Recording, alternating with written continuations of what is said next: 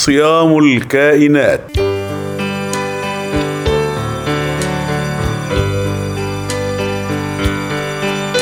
الفكرة والإعداد والتقديم دكتور هادي حسان.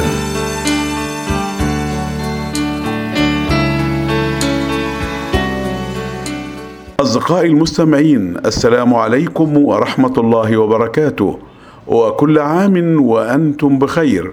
وعاد الله علينا وعليكم هذه الأيام باليمن والخير والبركات. يبدو أصدقائي المستمعين أن حكمة الصوم التي منحها الله لخلقه شملت كل الكائنات الحية. إذ في الوقت الذي يظن البعض أن الإنسان هو الكائن الوحيد الذي يصوم في هذا الكون تكشف لنا قدرة الله تبارك وتعالى عن أنواع أخرى من الكائنات الحية كالحيوانات والطيور والحشرات والأسماك والأشجار بل والكائنات الدقيقة. كلها تمارس الصوم حسب طبيعتها وغايتها من الصيام.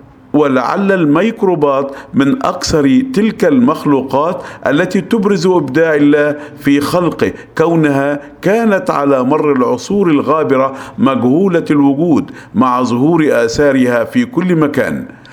وإذا أردنا تبسيط التعريف بها يمكننا القول أن الميكروبات هي تلك الكائنات الدقيقة التي يدعوها الإنسان بأسماء عدة منها العفن الخميرة الطحالب البكتيريا الفيروس وغيرها. ومن الأكيد أن ما لا نعلمه أعظم مما نعلمه وتصوم أيضا الكائنات الدقيقة. كيف تصوم؟ وما هي ظروف صومها؟ هذا ما نتعرف عليه من خلال اللقاء بالأستاذ الدكتور سالم عبد الفتاح محفوظ أستاذ علم الميكروبيولوجي بجامعة الفيوم.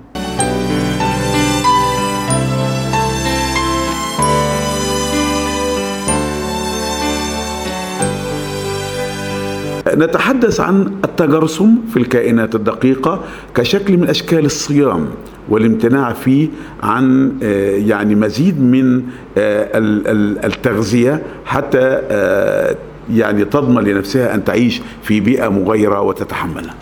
بسم الله الرحمن الرحيم والصلاة والسلام على أشرف المرسلين سيدنا محمد وعلى آله وصحبه أجمعين. التجرثم في الكائنات الحية الدقيقة سنبدأه على شقين. التجرثم في البكتيريا.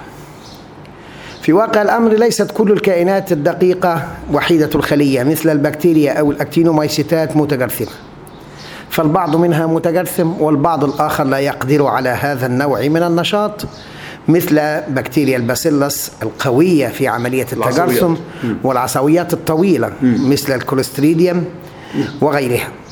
وخاصة تلك ال Clostridium التي تسبب أمراضا عديدة أيوة. مثل التسمم الغذائي المسمى بال botulism ومثل ال Clostridium perfringens المسببة للغرغرينة ومثل ال Clostridium tetani المسببة لل tetanus ومثل ال Clostridium difficile المسببة لما يسمى بالالتهاب القولون الكاذب والعصويات أيضا من مسببات السل ال tuberculosis في الحقيقة هي تسمى بال actinobacilli لأنها تنتمي إلى الأكتينومايسيتات أكثر من انتمائها للبكتيريا. وقد صنفت الأكتينومايسيتات للبكتيريا مع البكتيريا أكثر منها ميلا للفطرات على الرغم من تكوينها ما يشبه الهيفات الفطرية. والتجرثم في البكتيريا هو نوع من أنواع الصيام للحفاظ على النوع. من الانقراض أو التغير أو حدوث الطفرات فيه وبذلك تغير في صفاتها العامة. والتجرثم في البكتيريا لا يعتبر وسيلة من وسائل التكاثر بل هو وسيلة من وسائل الحفظ النوع. ويختلف هذا النوع من من التجرثم عنها في تجرثم الفطريات على سبيل المثال. فكثير من الفطريات تنتج ما يسمى بالحافظة الجرثومية مع حامل جرثومي وهذا الحامل الجرثومي عند نضجه ينفجر ناشرا الآلاف والآلاف من الجراثيم التي تعتبر وسيلة من وسائل حفظ النوع والنمو في الوقت ذاته.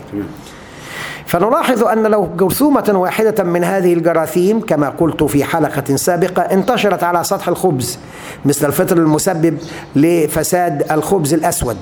فنجد أن هناك تبقعات سوداء. لو نظرت إليها جيدا تجد أنها كريات صغيرة تلمع في وجود الضوء. هذه الكريات الصغيرة كل كرية منها أي جرثومة منها قادرة على أن تنتج فطرا جديدا. وبالتالي فلو تركت لتنمو بشكل كبير فإنها ستكون شبكة من الهيفات المسمى بال mycelium وهذه الهيفات الكثيرة تسبب نتيجة غذائها وخروجها من طور الصيام إلى طور الطعام.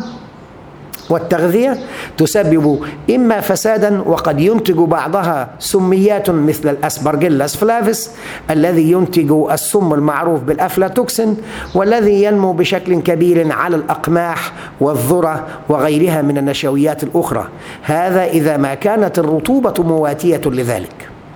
كثير أيضا من أنواع الفطريات عندما ينتج هذه الجراثيم للحفاظ على النوع وللتكاثر أيضا يحدثها عندما يكون في بيئة مناسبة لإنتاج أشياء مفيدة مثل البنسيليوم الذي ينتج البنسلين ومثل غيرها من أنواع الفطريات الأخرى مثل الخمائر التي تنتج بعض المواد ذات الفائدة العظيمة لنا مثل الفيتامينات ومجموعة فيتامينات بي على سبيل على وجه الخصوص. ولا يعد التجرثم في الحقيقة صورة واحدة فقط من صور الحفاظ على النوع أو البقاء على النوع ولكنه صورة من صور التصويم.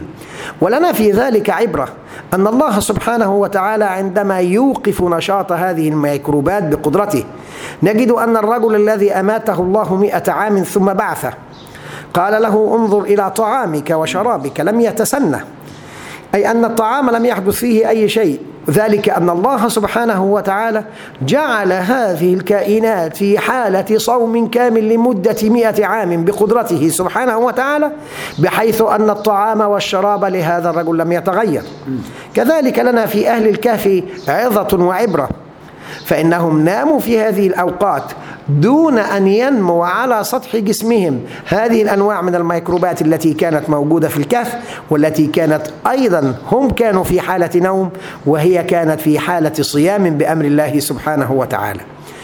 هنا لابد أن نأخذ في الاعتبار أن نمو مثل هذه الكائنات الدقيقة سواء من الفطريات أو البكتيريا وتوافر الظروف المناسبة لها وخروجها من حالة الكمون والسكون والصيام. هو حالة من الحالات التي فرضها الله سبحانه وتعالى على بني آدم لكي يتعلموا من هذه الكائنات كيف أيضا يحافظوا بها على نسبهم وكيف يحافظوا بها على نسلهم. فبعض الفطريات تتزاوج تزاوجا جنسيا. وهذا التزاوج الجنسي ينتج عنه جميطات. وهذه الجميطات ينتج عنها فطريات جديدة. وهذه الفطريات الجديدة تحافظ بجراثيمها على النوع لتنبت مرة أخرى لكي تتزاوج مرة أخرى. وقد تجد نفس الجميطات المؤنثة والمذكرة على فطر واحد بحيث يحدث فيه ما يسمى بالتزاوج الذاتي أو التزاوج الجنسي الذاتي. وهذا التزاوج الجنسي الذاتي من شأنه أن ينتج, أن ينتج أفرادا لهم نفس الصفات الأب الذي كان يحملها أو كان صفات الأبوين المختلفين الذكر والأنثى اللذين تزاوجا تزاوجا جنسيا. فليس الإنسان وحده هو الذي يتزاوج ولكن الله سبحانه وتعالى أيضا كما قلنا سابقا ومن كل شيء خلقنا زوجين فهناك زوجين أيضا في الكائنات الدقيقة. نقول بذلك أن هذه الكائنات لم تنتج الجراثيم من عندها بل أن الله سبحانه وتعالى وجهها للحفاظ على النوع. بعضها مفيد جدا للإنسان قد يتواجد في التربة. وقد يتواجد في في بعض المصانع لإنتاج لإنتاج كثير من المواد مثل الخميرة التي تنتج خميرة المخابز والتي تنتج ما يسمى بالأكتف دراي ييست أو الخميرة الجافة النشطه التي نستخدمها في بيوتنا لصنع الكيك ولصنع الخبائز المخبوزات وغيرها. بعضها أيضا ينتج بعض الأحماض العضوية ذات الأهمية والبعض الآخر ينتج البنسلين كمضاد حيوي. كما أن هناك بعض الكائنات الدقيقة كما قلنا سابقا المشابهة للبكتيريا على الرغم من أن بعض الفطريات بعض القائمين على الفطريات يقولون والله أنها تتبع لنا ولا تتبع البكتيريا. نقول لهم أنها لها صفات مشابهة للبكتيريا ومن ثم فهي يمكن أن تلتحق بالبكتيريا أكثر من الفطر. مثل الستريبتومايسيس الذي ينتج الستريبتومايسين وهو مضاد حيوي ضروري جدا تخلق منه الكثير من المركبات الأخرى. هذه الكائنات لا تدخل في حالة كمون أو تجرثم لا تدخل في حالة تجرثم أو كمون لفترة طويلة. لكنه متى أتيحت لها الفرصة؟ وتوافر لها الغذاء؟ خرجت من صومها مرة أخرى لتنمو وتعطي خيرا كثيرا. بعضها الآخر ينتج كثير من الأمراض. ولذلك لابد من توخي الحذر عندما نجد مثل هذه النموات. أقول قولي هذا وأستغفر الله لي ولكم. والسلام عليكم ورحمة الله.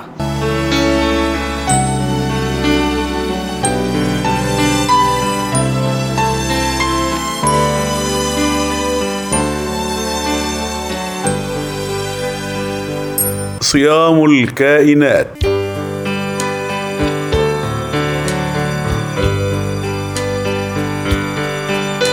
الفكرة والإعداد والتقديم. دكتور هادي حسان.